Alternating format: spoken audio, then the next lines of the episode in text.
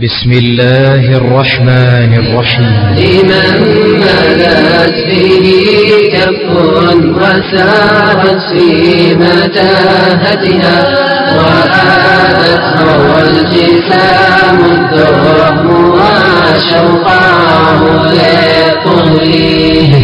إنها لذة ذاقها الأنبياء والمرسلون. عجيب لهذه اللذة. التي جعلت إبراهيم يتحمل تلك النار. هل يتحملها هكذا؟ لا. ويجد لذة. وهذا خير البرية وأفضل البشرية. صلوات ربي وسلامه عليه. ما هذه اللذة التي جعلته يترك لذة الأوطان والبقاء بين الأهل والأقارب؟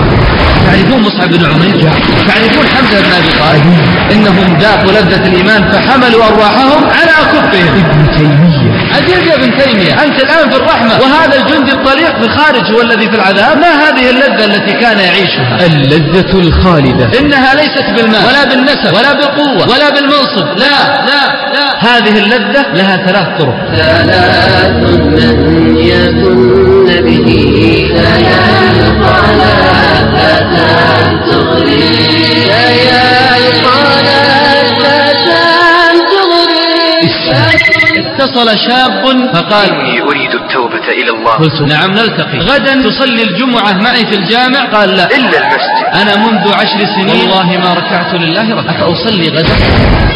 أبشر. كيف لنا أن نحصل على هذه اللذة؟ أبشر. فإنها بإذن الله يسيرة على من يسرها الله عليه بشرى. إن من عباد الله أناسا ما هم بأنبياء ولا شهداء يضبطهم الأنبياء والشهداء بمكانهم من الله تعالى. قالوا يا رسول الله من هم؟ قال هم قوم تحابوا بروح الله على غير أرحام بينهم ولا أموال يتعاطونها. فوالله إن وجوههم لنور وإنهم لعلى منابر من نور. ولا يخافون إذا خاف الناس ولا يحزنون إذا حزن الناس ثم تلا قوله تعالى ألا إن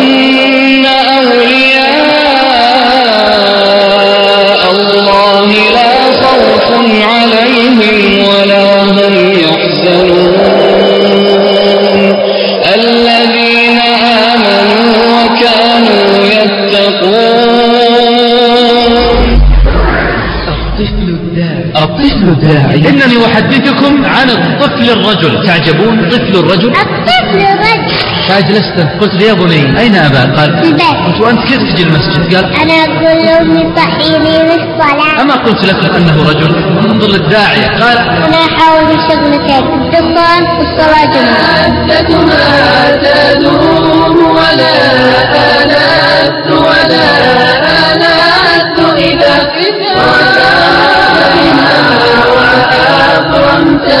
العهود على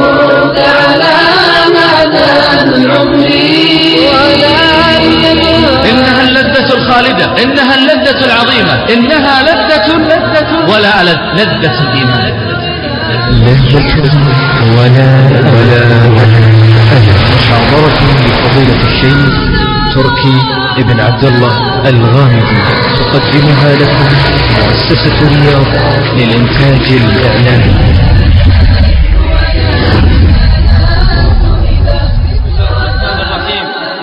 الحمد لله رب العالمين ولي الصالحين وأرحم الراحمين والعاقبة للمتقين ولا عدوان إلا على الظالمين. اللهم صل وسلم وزد وبارك على عبدك ورسولك محمد وعلى آله وصحبه ومن اقتفى أثره واهتدى بهديه واستنى بسنته إلى يوم الدين.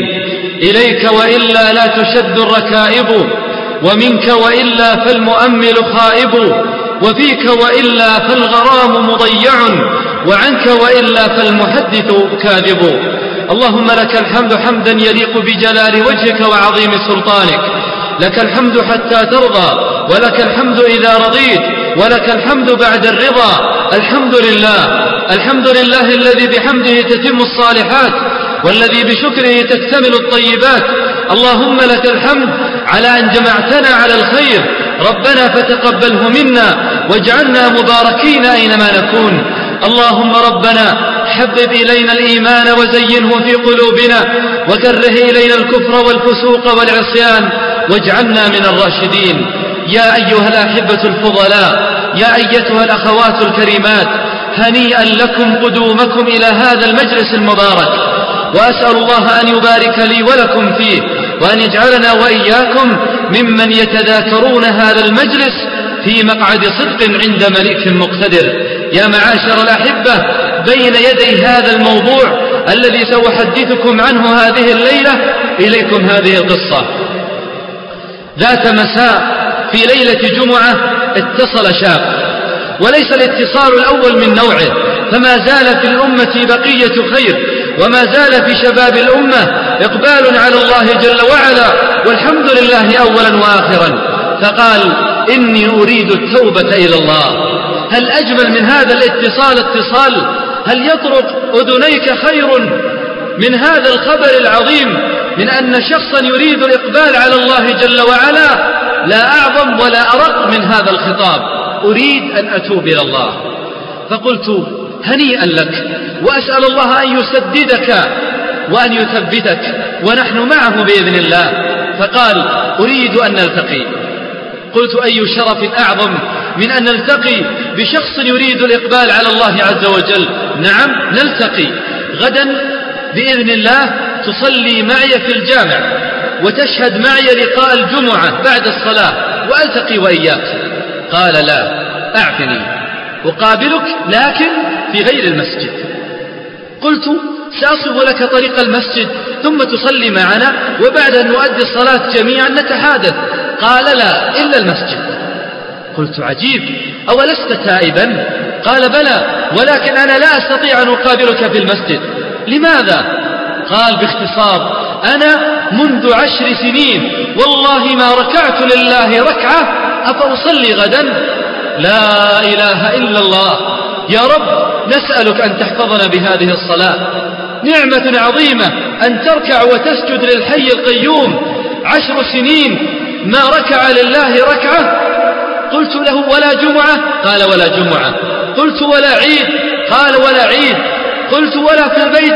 قال ولا أصلي البتة عشر سنين. ما أحلمه بخلقه. ما رفه بهم. ما ألطفه بهم سبحانه وتعالى. يبارزونه بعظائم الأمور. وها هي رحماته. وها هي نعمه. وها هي فضائله. تنزل تترى لأنه أرحم الراحمين. فقلت أما وقد قلت ما قلت فالليلة إذا وليس غدا. الليلة أقابلك إنها الصلاة إنها الصلاة. كيف نؤجل أمرها؟ عشر سنوات ما يركع لله ركعة فتواعدنا والتقينا. لكن لما التقيت به أول سؤال سألته من أين أتيت برقمي؟ رقم هاتفي من أين أتيت به؟ وأنت لا تحضر محاضرة في مسجد ولا تصلي مع المسلمين ولا تشهد المجالس التي فيها. ربما بعض الأخيار. واسمعوا. ولهذا يا معاشر الأحبة الفضلاء الكرماء سقت لكم هذا الخبر في صدر كلامي. قال لي ذات يوم أتيت أنت فألقيت كلمة عندنا في المسجد. قلت طيب وألقيت كلمة في المسجد وأنت لا تصلي. قال انتظر. أتيت فألقيت الكلمة في المسجد وأنا كنت أنا وأصحابي في الحارة جالسين في خارج المسجد. ما نشهد الصلاة مع المسلمين ولأن الصوت يصل عبر مكبرات الصوت الخارجية وأراد أرحم الراحمين أن يصل نداؤه إلى قلبي. سمعت. من الذي يمنع الهداية إذا أرادها الله جل وعلا؟ من الذي يحجب الخير عن الناس إذا أرسله سبحانه وتعالى وهو الذي يهدي القلوب الغلف وهو الذي ينير البصائر العمياء وهو الذي يسمع الآذان الصم. فلا إله إلا الله ما أوسع رحمته. فقال فسمعت الكلام. قال وكنت أنت تتحدث عن موضوع هذه الليلة. بإذن الله أحدثكم عنه. فإنني أهني الإخوة القائمين على هذه السلسلة. أسأل الله أن يبارك لهم في جهودهم. ولكل أولئك الذين يسعون للخير وينظمون الكلمات والمحاضرات النافعة. إنه لم يدر في خلد الذي نظم تلك الكلمة. أن الله سيهدي شابا في الشارع. وكان مع زملائه على جلسات سوق وما يدري أولئك الإخوة الذين نظموا هذا اللقاء. لعل مهتديا أن يهتدي خارج أسوار هذا المسجد. ولعل الخير أن يصل عبر الأثير عبر شريط عبر قناة أو مبلغ للخير ورب مبلغ أوعى من سامع. فهنيئا لأولئك وسيرا على درب أولئك. نريد الذين ينشرون الخير بين الناس نريد الذين يبذلون الخير للغير.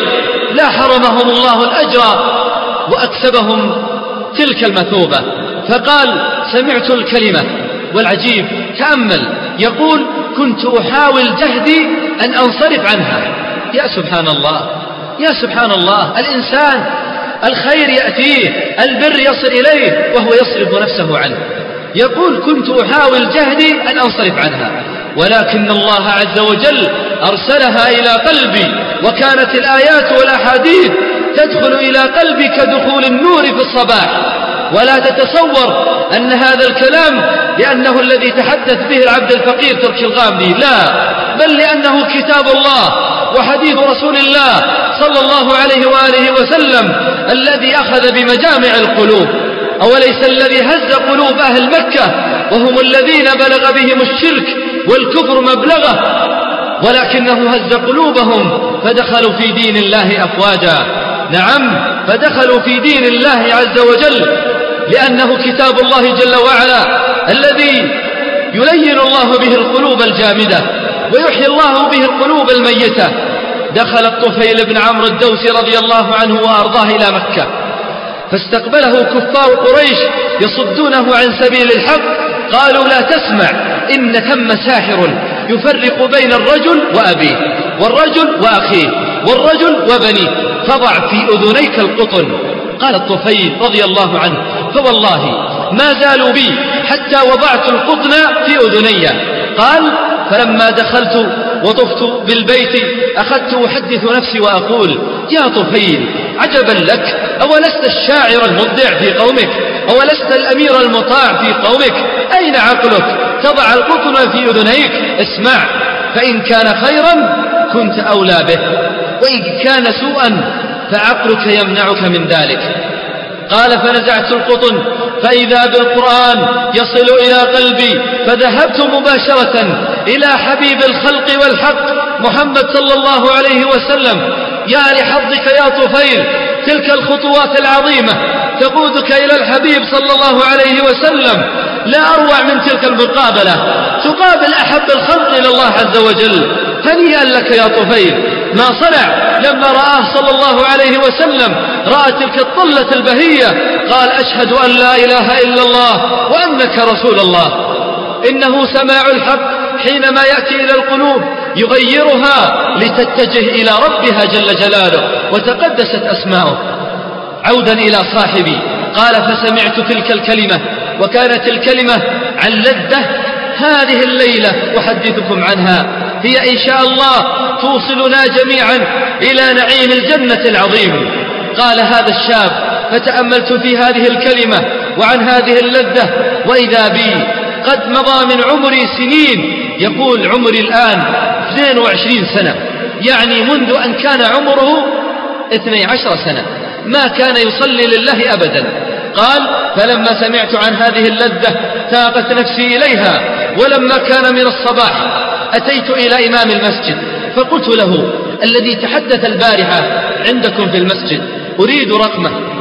قال أنت تريد رقم هؤلاء؟ يقول ولا أحد في الحارة يتصور أني أهتدي حتى إمام المسجد. فقلت له يا أخي تحجب عني الخير أعطني الرقم أعطني الرقم. قال فأعطاني الرقم وهو يتمتم كأنما يقول في نفسه وأن لك في سماع المحاضرات؟ قال ولكن هل ترى لمثلي أن يعود إلى الله عز وجل وأن يتلذذ باللذة التي ذكرت. قلت ومن يمنعك أن تقبل على أرحم الراحمين الذي يبسط يده بالليل ليتوب مسيء النهار ويبسط يده بالنهار ليتوب مسيء الليل. نسأل الله أن يشرح قلوبنا للهداية. نسأل الله أن يشرح قلوبنا للإيمان. نسأل الله أن يشرح قلوبنا بالقرآن. فمن صرف من عندي بعد نصف ساعة أو ساعة إلا قليل وقد ذكرت له من الأحاديث ما أقر الله به عينه. فرجع. وكانت البداية أنه صلى الفجر في المسجد. لا إله إلا الله ما أبهى ذلك الفجر. ولا إله إلا الله ما أعظم ذلك الفجر. هو فجر بكل ما تحمل كلمة الفجر من معنى. فجر في حياته فجر في مسيرته فجر في إقباله على الله عز وجل. وهل الحياة إلا التوبة والاستقامة والدين والهداية؟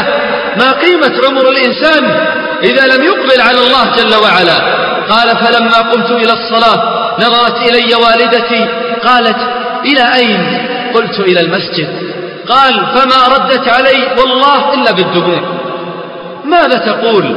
لئن كانت ربما أحيانا تدعو الله أن يخرج هذا الابن فلا يعود من شدة يأسها منه. الآن يخرج للمسجد قال حتى ذهبت فصليت في مسجد ليس المسجد القريب. قال كيف أقابل الحارة؟ وعشر سنين لا يروني إلا في الشارع.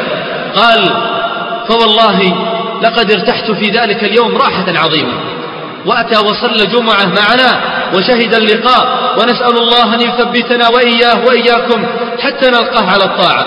والسؤال يا أيها الأحبة الفضلاء ويا أيها الإخوة الأجلاء ما هذه اللذة التي سمعها الشاب؟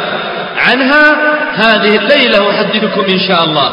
إنها لذة ذاقها الأنبياء والمرسلون. إبراهيم عليه السلام يقذف به في النار. تخيل نار يسقط الطير من السماء من شدة حرارتها بين جبلين ويذهب إبراهيم فيها وهو يقول حسبي الله ونعم الوكيل.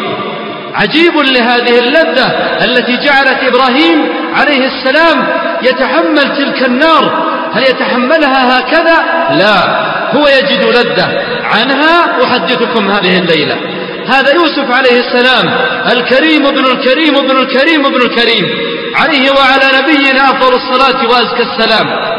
في قصر العزيز شاب في قوة شبابه تأتيه امرأة العزيز في قمة جمالها وبهائها فتغلق الأبواب. إنها لم تغلق الأبواب بل غلقتها وهي تقول له هيت لك يعني تعال ماذا صنع الشاب الذي تدعوه امرأة ذات منصب وجمال وتقول له تعال؟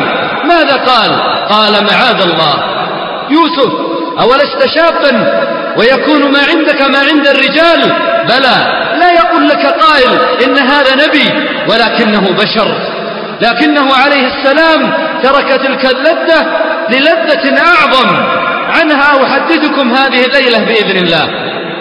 وهذا خير البرية وأفضل البشرية صلوات ربي وسلامه عليه ما تعاقب الليل والنهار وصلاة ربي وسلامه عليه ما صلى المصلون الأبرار يخرج من بلدته مكة التي عاش بها أكثر من خمسين سنة طفولته شبابه منزله أقرانه أهله عشيرته في مكة. مكة تنفس هواءها وسار في بيدائها واعتلى جبالها. مكة يلتفت إليها ويقول والله والله لأنت أحب البقاع إلي ولولا أن قومي أخرجوني منك ما خرجت. عجيب أوليس قد عرض عليه صلى الله عليه وآله وسلم أن يبقى ملكا في مكة وأن يعطى ما شاء من الدنيا لكن بشرط أن يتنازل عن تلك الدعوة التي كان يدعو إليها. لكنه رفض وتحمل تلك الآلام من الغربة وترك الأهل والبلد. أما لماذا؟ فلأنه وجد لذة عظيمة. ما هذه اللذة التي جعلته يترك لذة الأوطان والبقاء بين الأهل والأقارب؟ إنها لذة عظيمة. هي حديثنا هذه الليلة. لا تستعجلوا يا أحبتي. فإن أصحاب محمد رضي الله عنهم أجمعين وصلوات ربي وسلامه عليه ذاقهم أيضا تلك اللذة. ها هو علي رضي الله عنه تعالى وأرضاه ينام على فراش الموت. هذا السرير يعرف علي رضي الله عنه أن الذي ينام عليه سيقطع بالسيوف إربا إربا. السيوف تقطر سما وحقدا على باب النبوة ويأتي إليه النبي صلى الله عليه وآله وسلم ويقول يا علي نم في فراشي وتسجى ببردتي تلك البردة الشريفة. فيرضى رضي الله عنه وأرضاه وينام. عجيب يا أبا الحسن أولست شابا؟ تنظر للمستقبل وتستشرف للأيام المقبلة. ما الذي جعلك تضحي بهذا الشباب وتضعه على كفك؟ لماذا؟ لماذا تركت كل هذه اللذائذ لتقدم نفسك؟ لأن علي رضي الله تعالى عنه وأرضاه وكان يجد لذة لربما ساوت بذل روحه. هي اللذة التي سأحدثكم عنها الليلة. ابن تيمية أبو العباس أحمد بن عبد الحليم رضي الله عنه ورحمه يدخل في السجن في القلعة في دمشق فينظر للسجان من خلف الباب فينظر للسجان من خلف الباب وهو في زنزانته ويتلو قول الله عز وجل وضرب بينهم بسور له باب باطنه فيه الرحمة وظاهره من قبله العذاب. عجيب يا ابن تيمية أنت الآن في الرحمة وهذا الجند طليق في الخارج هو الذي في العذاب؟ ما هذه اللذة التي كان يعيشها؟ إنها اللذة التي نتحدث عنها الليلة.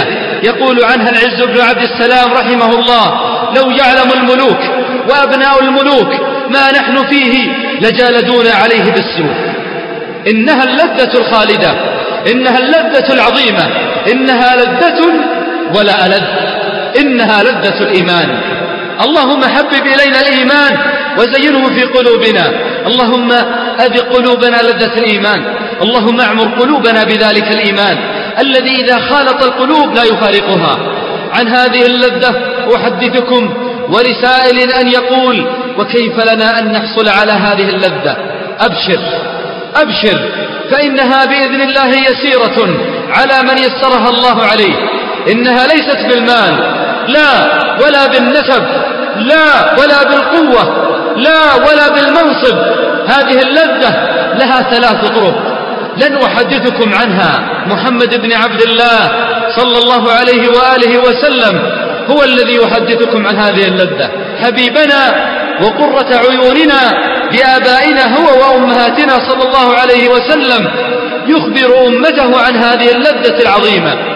يقول صلى الله عليه وآله وسلم كما في الصحيحين من حديث أنس رضي الله عنه ثلاث من كن فيه وجد بهن حلاوة الإيمان أن يكون الله ورسوله أحب إليه مما سواهما. وأن يحب المرأة لا يحبه إلا لله وأن يكره أن يعود في الكفر بعد أن أنقذه الله منه كما يكره أن يقذف في النار. أن يكون الله ورسوله أحب إليه مما سواهما. هذه واحدة. وأن يحب المرء لا يحبه إلا لله. هذه الثانية.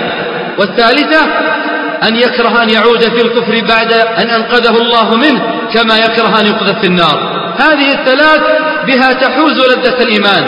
تأمل لا تحتاج أن تكون صاحب رصيد ولا صاحب منصب ولا صاحب نسب. المهم أن تسلك هذه الطرق الثلاث وتجد تلك اللذة في قلبك.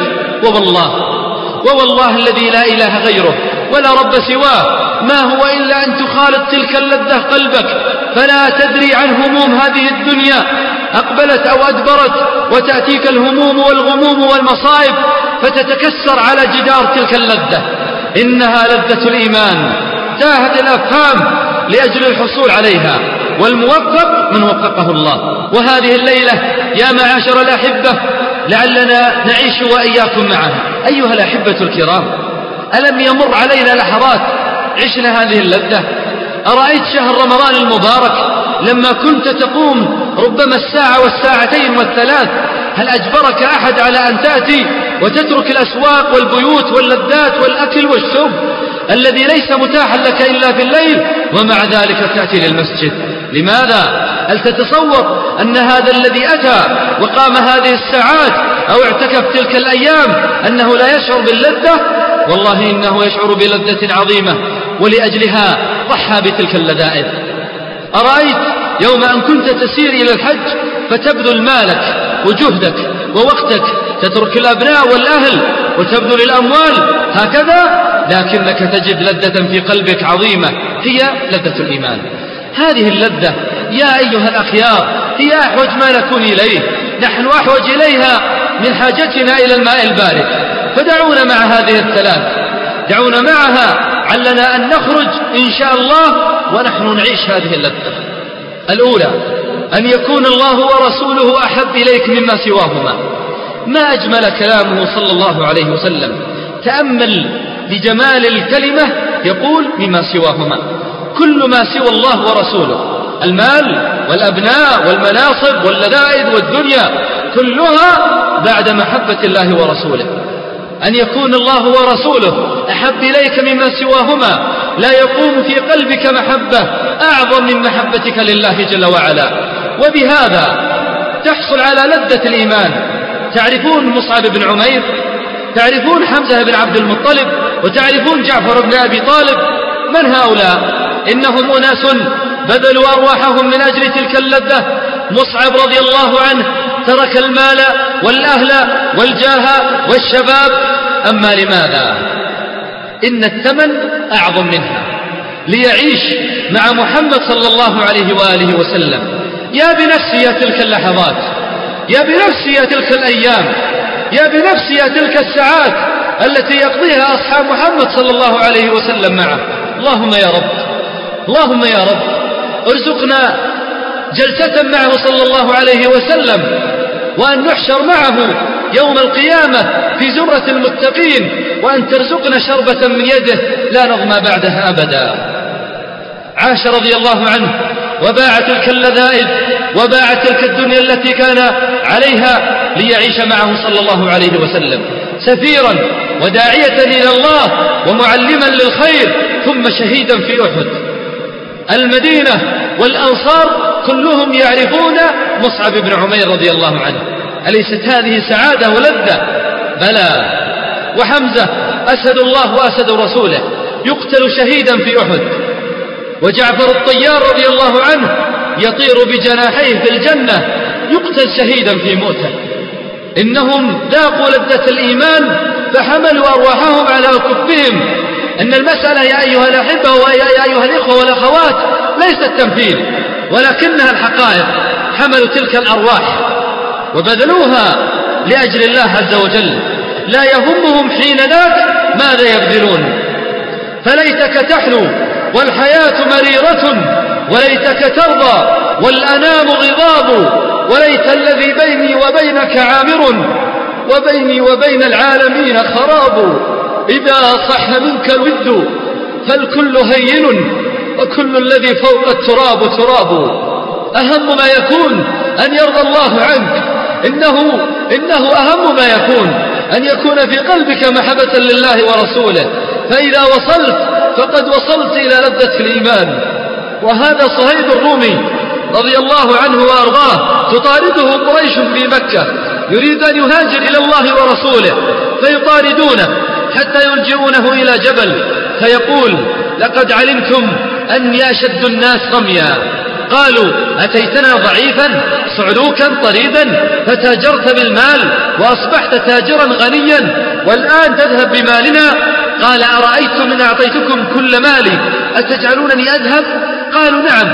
هم ينظرون لها بميزان المال يتصورون أنه ما يمكن أن يضحي بماله.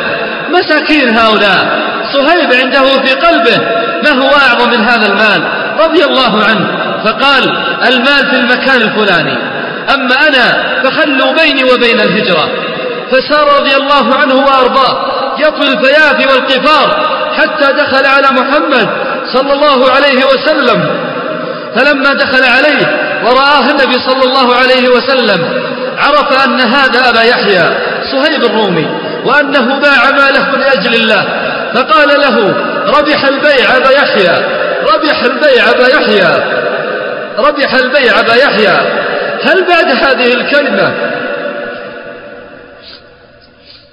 هل بعد هذه الكلمة من محمد صلى الله عليه وآله وسلم يفكر صهيب في دينار أو درهم؟ يكفيك يا صهيب أن محمد صلى الله عليه وسلم قد شهد لك بأن بيعك ربح وأنك بذلت ذلك المال لأجل الله عز وجل. هؤلاء يجودون بأرواحهم وأنفسهم وأموالهم. يجود بالروح إن شح البخيل بها والجود بالروح أقصى غاية الجود. والسؤال هل نحب الله ورسوله؟ أعظم المحبة؟ الآن الناس لو سألتهم الآن هل تحب الله ورسوله؟ يقولون نعم. كيف تحب الله ورسوله؟ أكثر من كل شيء. فربما قال بعضهم نعم أنا كذلك. لكن في الواقع أن هناك تفريط وأنه إذا حصحص الحق فإن هناك للأسف من يقدم أحيانا غير محبة الله ورسوله على محبة الله ورسوله. والذين آمنوا أشد حبا لله. واختبر نفسك في ثلاثة مواضع. الأولى صلاة الفجر. هل أنت ممن يشهد صلاة الفجر مع الجماعة؟ فإن قلت نعم فالحمد لله هذه براءة من النفاق. وإن كنت تفرط في صلاة الفجر فاعلم أن هنا مشكلة. لأن النفس تحب النوم والدعى ولكن الله عز وجل يحب أن تصلي في المسجد. والرسول صلى الله عليه وسلم يحب أن تصلي في المسجد. فأي المحبتين تقدم. إذا قمت للفجر فتأملت فتقول يا نفس تريدين النوم أنا أعرف ذلك ولكن داعي الخير ناداني الصلاة خير من النوم. فيسير بتلك الخطى في ظلمة الفجر يطرق بها تلك الطرقات إلى المسجد. والله يعلم من فوق سبع سماوات أنه ما أخرجه في وقت النوم ذلك إلا أن يصلي لله عز وجل. يا الله. ما أعظم ذلك الموقف؟ هذا موطن اختبار أن تذهب للمسجد ولصلاة الجماعة وأن تترك ما سوى ذلك. من الناس من يصرفه الآن عن صلاة الجماعة سهر على أفلام منهم من يصرفه عن صلاة الجماعة متابعة للمباريات منهم من يصرفه عن صلاة الجماعة مسامرة ومجالسة لجلسائه. إنني أحدثكم عن الطفل الرجل. تعجبون؟ طفل الرجل كيف ذلك؟ نعم. هو طفل في عمره غير أنه رجل في عمله. وهذا الطفل يصلي معنا في المسجد. كان يأتي للجامع مع أحد الإخوة الأخيار من شباب الحي وكنت أظنه أخا له. كنت أظنه أخا لهذا الشاب. فلما أتى يوم سألت صاحبي هذا قلت له يا فلان الصبي الذي يأتي معك أخوك؟ قال لا هذا ابن جاري. قلت عجيب يتيم هو؟ قال لا ليس بيتيم أبوه موجود. قلت الله يجزاك خير. أنت تخرج من المسجد؟ قال لا هو يخرج ناديت الصبي في الثالث الابتدائي أو الرابع يعني في عشر سنين أو أقل. فأجلسته وقلت له يا بني أين أباك؟ قال في البيت. قلت يصلي في البيت؟ قال أبي يصلي في البيت بس ما يصلي في المسجد. قلت وأنت كيف تأتي المسجد؟ قال أنا أقول لأمي أيقظيني للصلاة قلت طيب صل مع أبوك في البيت. قال لا الرجل يصلي في المسجد. أما قلت لكم يا إخوة أنه رجل. قال لا الرجل يصلي في المسجد ولأجل ذلك أنا أصلي في المسجد. قلت طيب ووالدك؟ قال والدي الله يهديه أنا الآن أحاول أنصحه بس ما استجاب لي إلى الآن. انظر للداعية انظر لهمته. ما شاء الله تبارك الله. يريد أن يدعو والده للخير. يقول أنا أحاول الآن في والدي أن يترك الدخان ويصلي في المسجد. الفجر يخرج لأن أمه تأتي إليه وتخاف أن يخرج في الطريق في الفجر لوحده. فتأتي لهذا الجار وتوقفه أمام بابه حتى يخرج ويذهب معه إلى المسجد. انظروا يا, يا أيها الإخوة كيف يتحمل هذا البقاء عند الباب ويذهب مع جاره لأجل شهود صلاة الجماعة. ولا أجمل من صورته وهو في المسجد قبل غروب شمس أيام رمضان وهو يشارك في تفطير الصائمين في الجامع عندنا. يخدم الصائمين يفطرهم. يأتي أيضا في حلقة تحفيظ القرآن الكريم يسجل بنفسه ويأتي بدون والده ويحضر الحلقة. سبحان الله طفل ولكنه رجل. والشاهد يا أحبتي انظر الآن إلى إقباله إلى الصلاة. هذا نموذج لمحبة الله ورسوله. ترى يا أيها الأحبة محبة الله ورسوله ليست ادعاء. إنه كل يدعي هذا الادعاء وليس وليس الأمر كذلك. وكل يدعي وصلا بليلى وليلى لا تقر لهم بذاك. كل واحد يقول أنا أحب الله ورسوله لكن تعال الميدان وأثبت محبتك لله ورسوله. تعصي الإله وأنت تظهر حبه هذا محال في القياس بديع. لو كان حبك صادقا لأطعته إن المحب لمن يحب مطيع. إذا فمحبتك لله ورسوله تتجسد في حرصك على هذا. إذا فمحبتك لله ورسوله تتجسد في حرصك على هذه الصلاة حيث ينادى بها وإذا فاتتك يكون في قلبك من الألم والحسرة كأشد ما يكون. لأن الذي فات محبوبا لمن تحب. المسألة الثانية اختبر نفسك في غض البصر. هل أنت تغض بصرك عما حرم الله عز وجل؟ فإن كنت تفعل ذلك فاعلم أن هذا علامة لمحبتك لله ورسوله. العين تهوى أن ترى العين من جبلتها أنها تحب النظر إلى هذه الأشياء. ولكن تقول للعين لا الذي خلقك نهاني أن أنظر بك إلى الحرام. ولهذا تجد المفارقة في أناس الآن يجاهد فيما يبتلى به مما هو خارج عن إرادته يجاهد نفسه على غض بصره. والشخص الآخر يذهب وبنفسه إلى أماكن المجون لأجل النظر للحرام. يدخل إلى القنوات السيئة للنظر للحرام والمواقع السيئة والمجلات السيئة كل ذلك من أجل النظر للحرام. عجبا هذا يبتعد قدر استطاعته عن الحرام وهذا يحاول جهده أن يلحق بالحرام. أما لماذا؟ فلأن الأول يحب الله ورسوله أكثر من محبته لنفسه والآخر لربما تغلب عليه الهوى والشيطان وقرين السوء الثالث اختبر نفسك في جلسائك. لأن الله عز وجل يحب أن يكون جلساؤك الصالحين. الله جل وعلا يقول واصبر نفسك مع الذين يدعون ربهم بالغداة والعشي. يريدون وجهه. فإذا كان أصحابك من الأخيار الصالحين من الأبرار وأنت تجاهد نفسك على أن تجالسهم ولا تتركهم فهنيئا لك. وإن كنت لا تتتبع مجالس أهل اللهو واللغو. فاعلم أن في محبتك نقص. يقول الله عز وجل قل إن كنتم تحبون الله فاتبعوني يحببكم الله. الذي يحب الله ورسوله حق المحبة هو الذي يتبع الطريقة الصحيحة لإثبات هذه المحبة. كيف تعرف أنك تحب الله كما ينبغي؟ قل إن كنتم تحبون الله فاتبعوني. اتبعوا من؟ من يا إخوة؟ اتبعوا محمد صلى الله عليه وآله وسلم. فهنيئا لأولئك الذين يتبعون هديه صلى الله عليه وسلم ويترسمون خطاه ونهجه. هؤلاء هؤلاء هم الذين سارت بهم أقدامهم إلى محبة الله عز وجل. لأنهم يتبعون لرسول الله صلى الله عليه وسلم. فتأمل كيف صلاته كيف صومه كيف عبادته كيف بره كيف لباسه كيف كلامه كيف مشيه. وتأس به وتأس به فإنك إن فعلت ذلك فهذه عين المحبة وأنت تلاحظها الآن. الذين يحبون اللاعبين يتشبهون بهم قدر الاستطاعة ومن يحب الفنانين يتشبه بهم قدر الاستطاعة. وهكذا أنت. تحب الله عز وجل فتتشبه بمحمد صلى الله عليه وآله وسلم. هذه يا أيها الأحبة الأولى أن يجعل تجعل في قلبك محبة الله ورسوله. أسأل الله أن يجعل في قلبي وقلوبكم محبة الله ورسوله. أعظم من كل محبة. الثاني من وسائل لذة الإيمان أن يحب المرء لا يحبه إلا لله.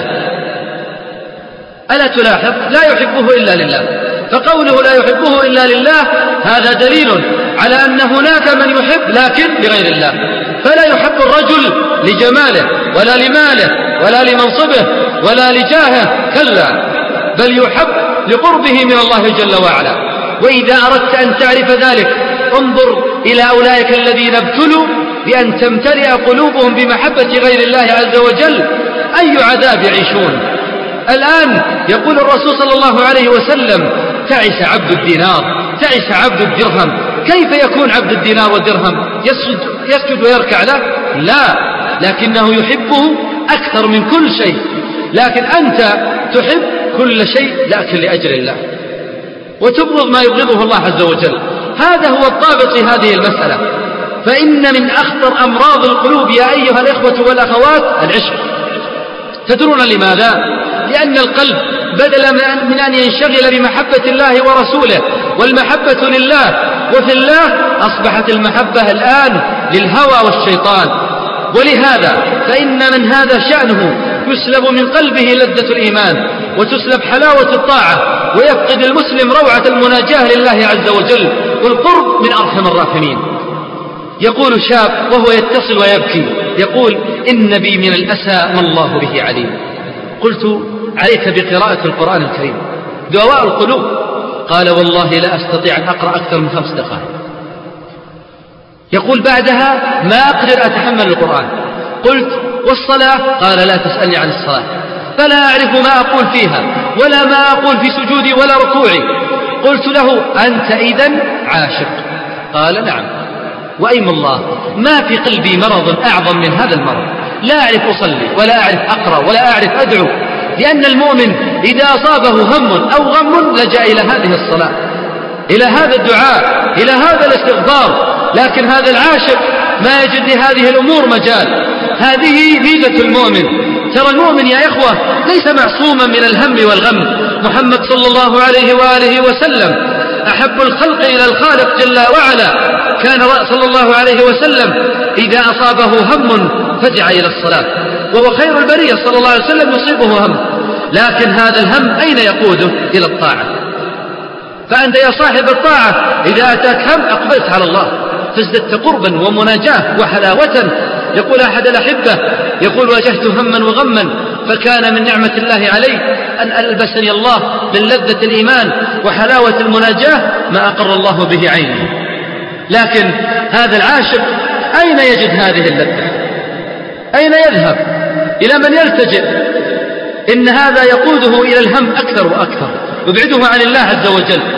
قلت لهذا الشاب ليس لك من سبيل إلا أن تطرد هذا الحب من قلبك ليبقى الحب لله وفي الله وقلت ستجاهد نفسك كثيرا ولكنك ستحمد العاقبة.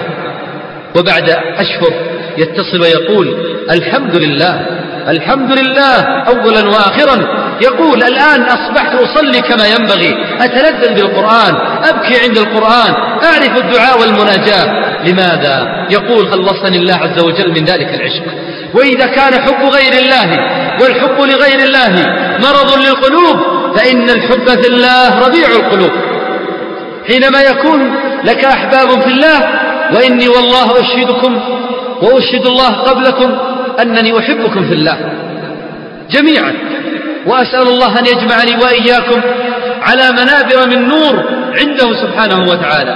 لأنكم صليتم وسجدتم وركعتم وحضرتم في مجلس الذكر فمثل هذا يحب في الله جل وعلا.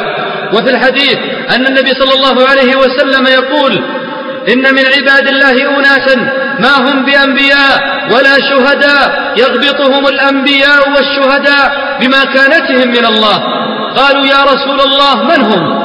قال هم قوم تحابوا بروح الله على غير أرحام بينهم ولا أموال يتعاطونها فوالله إن وجوههم لنور وإنهم لعلى منابر من نور ولا يخافون إذا خاف الناس ولا يحزنون إذا حزن الناس ثم تلا قوله تعالى ألا إن أولياء الله لا خوف عليهم ولا هم يحزنون الذين آمنوا وكانوا يتقون هنيئا لك أيها الأخ المسلم إذا امتلأ قلبك بمحبة إخوانك المسلمين وهنيئا لك يا أختي المسلمة إذا كان في قلبك محبة لله وفي الله. إذا أحببت فليكن حبك لله. فإن محبتك لإخوانك المسلمين في الله تورث في قلبك نورا وطمأنينة لأن بعض الناس يقول أنا عندي مشاعر وعاطفة كيف أصرفها؟ نقول له الحب في الله. إن من الإخوان في الله من يتفادون بالأرواح يتبادلون بالأموال. نعم وقد روى الإمام مالك في موطأه عن أبي إدريس الخولاني رحمه الله قال دخلت مسجد دمشق فإذا فتى براق الثنايا وإذا الناس معه فإذا اختلفوا في شيء أسندوه إليه وصدروا عن رأيه فسألت عنه فقيل هذا صاحب رسول الله صلى الله عليه وسلم معاذ بن جبل رضي الله عنه. فلما كان من الغد هجرت يعني بكرت. فوجدته قد سبقني بالتهجير. انظر لتبكير للصلاة. قال ووجدته يصلي. فانتظرته حتى قضى صلاته. ثم جئته من قبل وجهه فسلمت عليه. ثم قلت والله إني لأحبك لله. فقال آه الله. فقلت آه الله. فقال آه الله. فقلت آه الله. فأخذني بحبوة ردائي. فجبذني إليه فقال أبشر فإني سمعت رسول الله صلى الله عليه وسلم يقول قال الله تعالى وجبت محبتي للمتحابين فيا والمتجالسين فيا والمتزاورين فيا والمتبادلين في. الله أكبر ما أعظم هذه الغنيمة العظيمة أيها الأحبة. أيها الأخ الكريم اعلم أن هذا باب من أبواب لذة الإيمان. ولهذا فتش في قلبك من تحب ولم تحب فإنك بهذا تفتح أفقا عظيما لهذه اللذة في قلبك. الطريق الثالث الذي ذكره حبيبنا صلى الله عليه وسلم لنور القلوب ولذة الإيمان قال أن يكره أن يعود إلى الكفر بعد إذ أنقذه الله منه كما يكره أن يطرح في النار. تدرون ما معنى هذا؟ أي أن هذا الإنسان الذي أسلم وتاب إلى الله عز وجل يكره أن يعود إلى حالته الأولى كراهة أن يقذف في النار. وتعلمون حفظكم الله أن شروط التوبة منها الإقلاع عن الذنب والندم على فعله والثالث العزم على عدم الرجوع إليه. ولهذا فإن السبب الثالث من أسباب لذة الإيمان هو التوبة إلى الله عز وجل. إن التائبين هم من أكثر الناس تلذذا للإيمان. لماذا؟ لأنه ذاق الحرمان وذاق ذل المعصية وذاق البعد عن الله عز وجل. فلما ذاق الطاعة والإيمان والقرب امتلأ قلبه بلذة الإيمان. فلا تسأله عن سجوده فلا ألذ من سجوده. ولا تسأله عن صيامه فلا أعظم من صيامه. ولا تسأله عن تلاوته ودعائه فذاك ربيع قلبه وأنس روحه.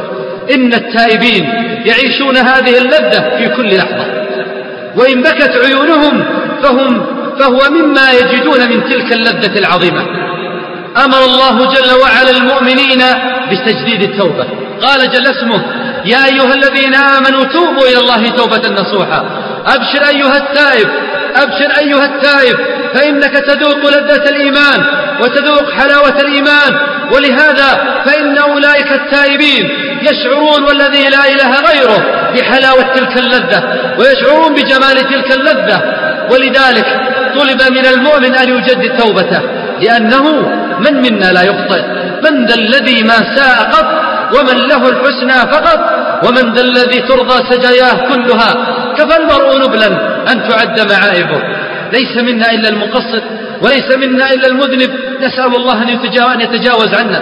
نسأل الله أن يتجاوز عنا وعنكم وأن يعاملنا وإياكم بعفوه لأنه لو وكلنا إلى أعمالنا وإلى إخلاصنا وكلنا إلى ضعف وعورة فنسأل الله أن يتغمدنا برحمته الواسعة التي وسعت كل شيء.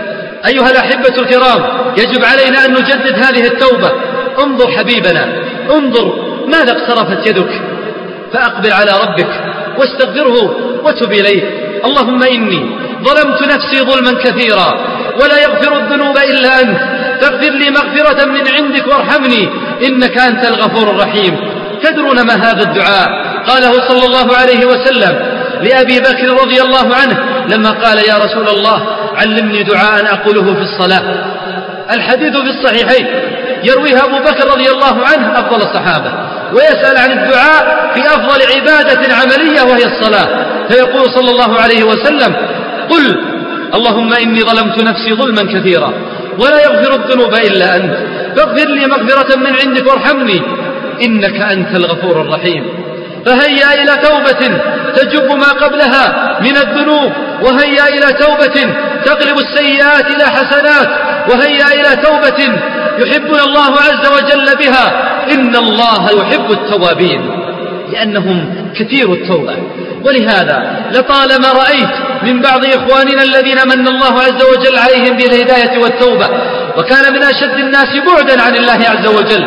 تجده في قيام وفي صيام وفي عبادة من أعجب ما يكون. حتى أنك أحيانا ربما تقول يا فلان أنت أثقلت على نفسك يكفيك ارتاح. يقول لا كيف تقول ارتاح؟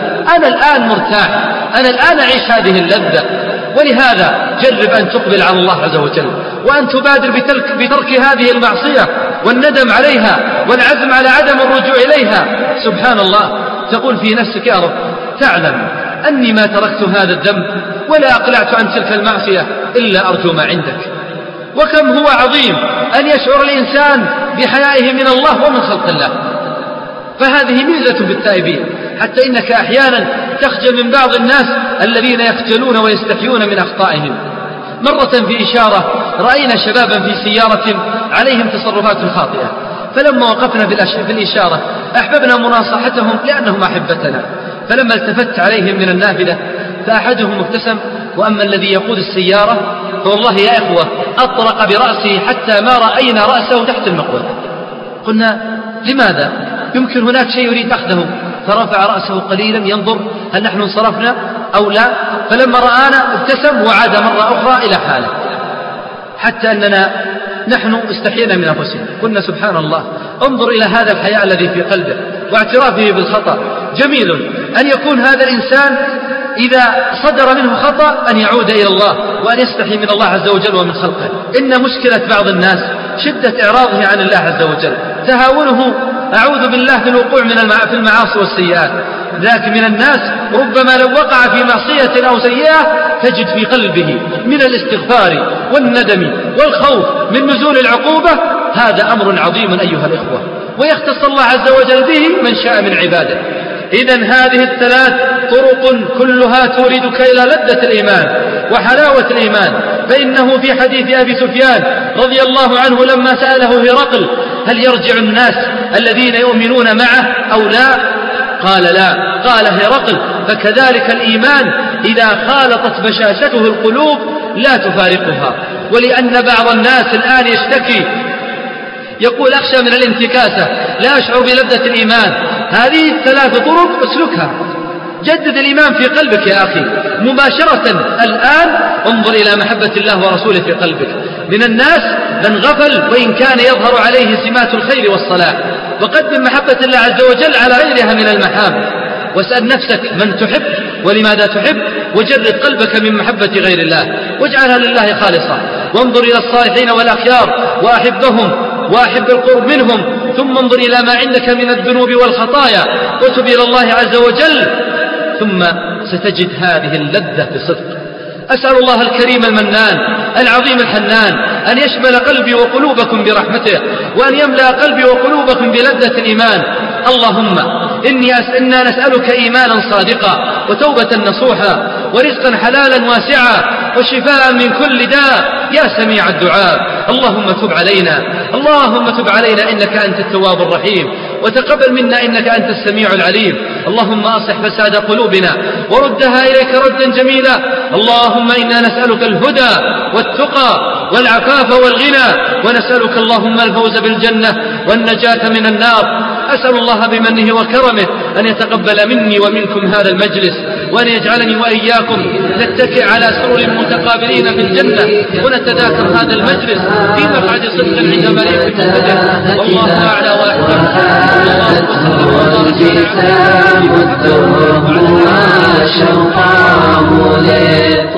ولا يسعنا قبل أن نودعكم إلا أن نشكر الشيخ تركي الغامدي على كلماته النيرات ونعدكم بمواصلة المسير مع الشيخ.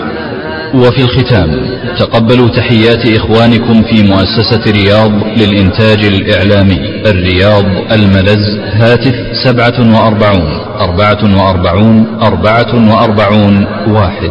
هاتف صفر خمسة صفر خمسة اثنان واحد. تسعة خمسة تسعة ثلاثة. للإرسال صفر خمسة صفر أربعة أربعة. ثمانية ثمانية ثمانية. تسعة ثمانية. صندوق البريد من اليسار واحد صفر واحد ستة اثنان اثنان. الرياض واحد واحد ستة ستة خمسة.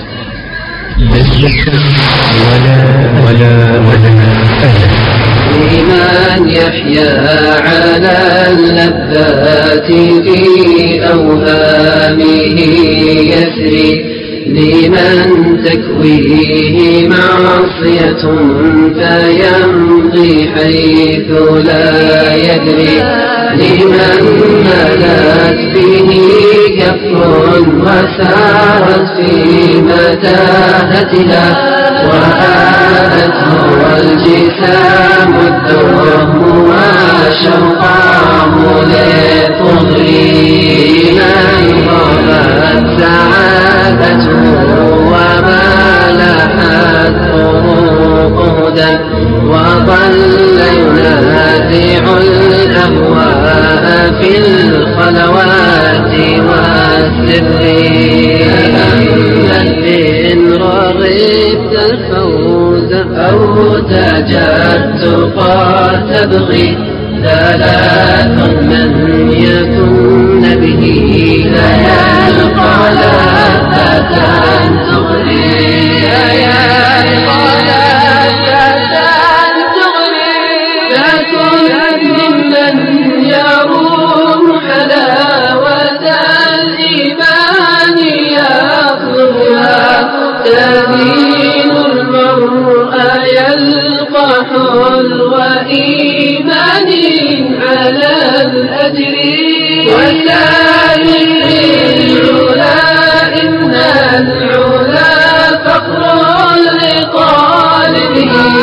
بظل ثم رسوله في موكب الخير ولا تلقى النعيم وتلتقي حبا وماتمة هنا ترتاح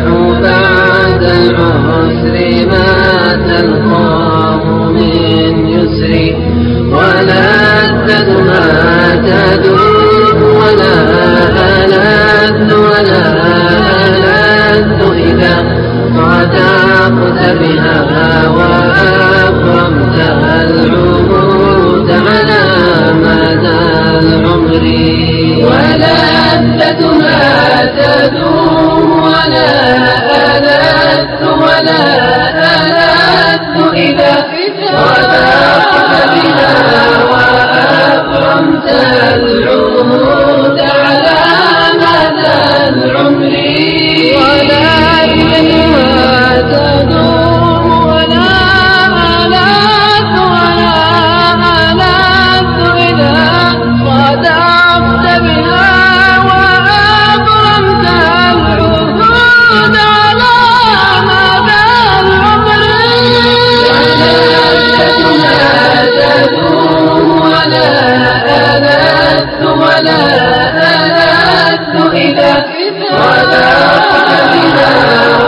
وأكرمت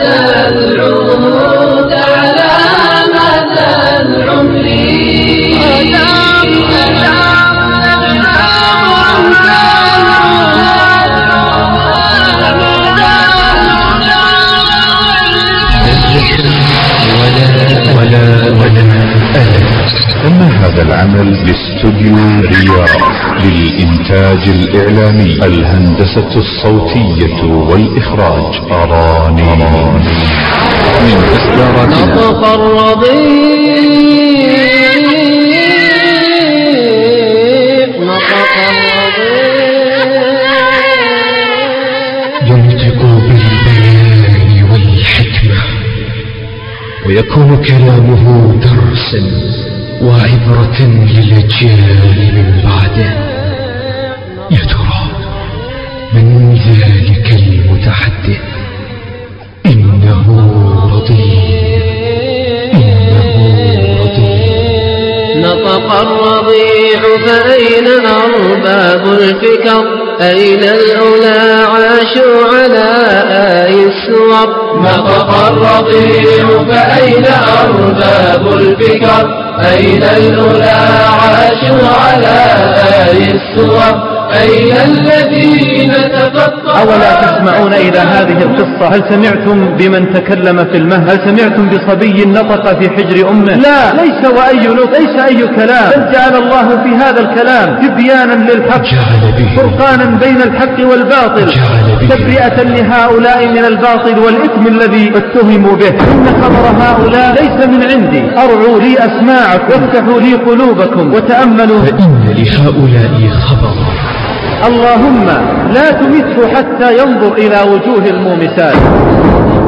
ما الذي حدث؟ ما الذي صار؟ يا الله أي خسارة وأي مصيبة؟ على أولئك الأبناء الذين يعقون والديهم وينشغلون عن بمعصية الله وعما يريدون في فعل محرم. بين أحضان السحر أين الذين تفطرت أقدامهم؟ وهم وقوفا بين أحضان السحر. هجروا الحرام. أيها اجعل من اسمعوا لهذه القصة. شاب حافظ لكتاب الله. حريص على الطاعة. مع أهل الخير والصلاة. ذات مساء. قال لوالده يا والدي إنني سأذهب مع رفقة الطيبة هذا المساء. فقال له يا بني لا تخرج هذه الليلة. قال يا والدي إنني لا أرى ضيرا في خروجي ولا فائدة من بقائي وأنا أخرج على خير فساق ثم أدلف مع الباب خارج هنا قال الأب الله لا يرد. وهذه قصة لشاب رواها لي بنفسه مر باثنان من أصحابي. في رحلة إلى إحدى البلدان وطلبا مني أن أرافقهما. قال وذهبنا. وصلنا إلى تلك البلاد. دخلنا إلى دار السينما. قال وعدنا إلى بلاد وبعد مضي مدة وإذا باتصال من أحد أصدقائي. ألو خالد. قلت نعم. خويك فهد مات لأنه مصاب بالإيدز قال والله لقد وقع علي الخبر. كالصاعقة اهتز بدني. واقشعر جلدي. فلان مات بالإيد. إي نعم. وخويك نايف بالحجر الصحي. لأنه مصاب بالفيروس والحين الشرطة تدور عليك لأنك أكيد مصاب لأنك كنت معهم. ماذا بعد ذلك؟ نتابع مع فضيلة الشيخ تركي الغامدي بقية موضوع هذا الشريط والذي هو بعنوان ونطق الرضيع من إنتاج مؤسسة رياض للإنتاج وترقب وترقب الإصدار القادم. فأسمو شهوة عجل قطارا ويكتبون آه، مآسيهم بدماء بدلا من الدموع. إنهم الشباب. هذا أحدهم يقول. أنا قد خطبت من فتاة جميلة ويا لحزني ومأساتي. وآخر فصرخ هذا الشاب وولول ثم كاد أن يسقط ويغمى عليه. وثالث اقتلوني أنا القاتل. ورابع وادعيت أنني مسافر لأداء العمرة ولكنني استخدمت الأموال التي أعطوني إياها. وخامس وسادس. وهذه والله كارثة. هل سمعت به؟ سرطان كابوسي. هل سمعت به؟ إنه مرض سرطاني قاتل يقتل الإنسان خلال أربع أسابيع. وأموالا سيجنيها Oh. وعد محملا ذنبا وقلبا. من الشهوات يستعر استعارا. وأمراض يكل الطب عنها تظل عيون صاحبها سهارا في السبعينات انتشرت ظاهرة الخنافس وما سموهم البيتلز ماذا رأيت في المتحف البريطاني؟ وقد رأيت في بعض الأفلام الوثائقية في المتحف البريطاني قبل الحرب العالمية الثانية. إحصائية يصاب سنويا 200 مليون شخص. إحصائية. كل دقيقة يصاب 18 شخص بهذا الفيروس الخبيث. نعم إنها كارثة. ولك أن تتصور الكارثة التي حلت بهذه المرأة المسكينة البريئة. كارثة. فهذه كارثة من الكوارث. كارثة. وهذه والله كارثة. يا شباب يا شباب رأى للموت آثارا كبارا وإن دفنوه مسلوبا مارا بموحش ظلمة فردا محارا. رسالة عاجلة. الشباب الذين أصيبوا بهذه الأمراض والذين عانوا منها وتعرضوا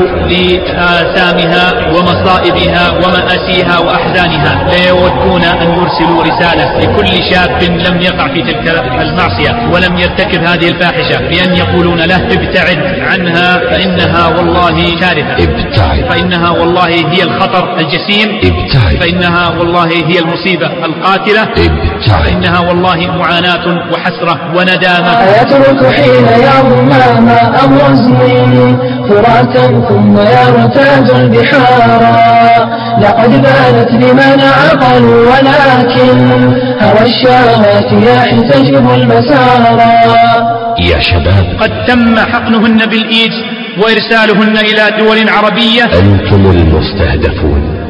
فهل تكونوا مطلبا سهلا ولقمة سائغة؟ وقد فتح المهيمن بعد عفو لراجل بعد زلة اغتفارا وحامل خدعة التصويف واركاب وطايا العزم واجتنب الحيارى وما عمر الفتى إلا معار وربك سوف يرتجع المعارى للإنتاج الإعلامي تقدم تقدم. الدكتور فهد الخضيري رئيس قسم المسرطنات بمستشفى الملك فيصل التخصصي. في في يا ليتني لم أفعلها. يا ليتني لم أفعلها. من إصداراتنا.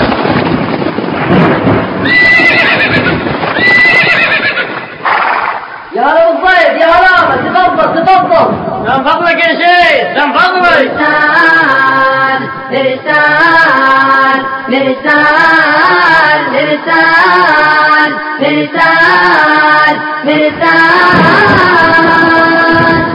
حنا جينا حنا جينا. بالمحبة التقينا أقبل الخير ونفعنا حنا جينا حنا جينا. حنا جينا حنا جينا. لسان لسان لسان لسان لسان لسان من سمعنا مرحبا بك. في جنابه والمثال اللي لفانا مرحبا بمرحبا مرحبا بمرحبا به مرسال مرسال مرسال مرسال مرسال مرسال.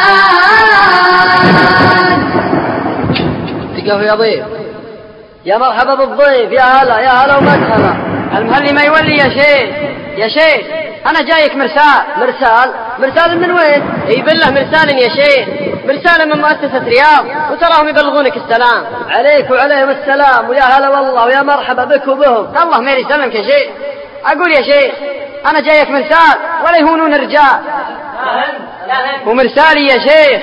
عن أحوال شباب القبيلة. تلكم الطاقة المتفجرة والقوة المتدفقة والفتوة الناطقة والعزيمة الوثابة والهمة المتوقدة. يا شباب انتو نسيتوا عهدنا اللي من سنين. عهدنا بكتاب إرادي ربنا الرب الرحيم. تلكم المرحلة الحرجة والفترة الخطيرة والمهمة في حياة الإنسان. يمر بها فيغدو كالسعفة في مهب الريح وكالقشة فوق زبد الأنهار. فإما ثبات على الهداية حتى النهاية وإما انتكاسة مردية وارتكاسة مخزية ووقوع في أغلال وآثار الذنوب والأوزار. يثبت الله الذين آمنوا بالقول الثابت في الحياة الدنيا وفي الآخرة ويضل الله الظالمين ويفعل الله ما يشاء. كلمات للرجال. هنا يحتاجون كثيرا من يدلهم على معاني الرجولة وعلى صفاتها حتى يتسموا بها. وحتى لا يظنوا أن الرجولة أمر آخر أو يفهموها بفهم. المرجلة ما هي بتنحط وتنشال المرجلة رجما بعيد المرادي ما يل من يلبس على راسه عقال عقال طيب فعلهم فعل عادي تذكير للأصحاب. وهو ما طال جاي وهم الشباب راح ترفع رجله. تلقاها مايعة. مرة ما يتحمل. نروح على البر ما يقدر يسجد على التراب. اسجد يا خالد قال ما أقدر اسجد لأن التراب يبطل خشتي ولا ننسى من تأثر موضة الغرب الخري والحضارة اللي يبغاها غدا. ما هي النتيجة؟ في حياته بالنشب اليانشي والتعاسة ما تفارق هم بسام والحل؟ والسعادة والله هذا يا صاحي طاعة المعبود سرا وجهارا ليس من علاج إلا الفرار إلى الله سبحانه وتعالى؟ يا الله يا ربي يا واحد في الكون إنك تيسر لي كل الأمور.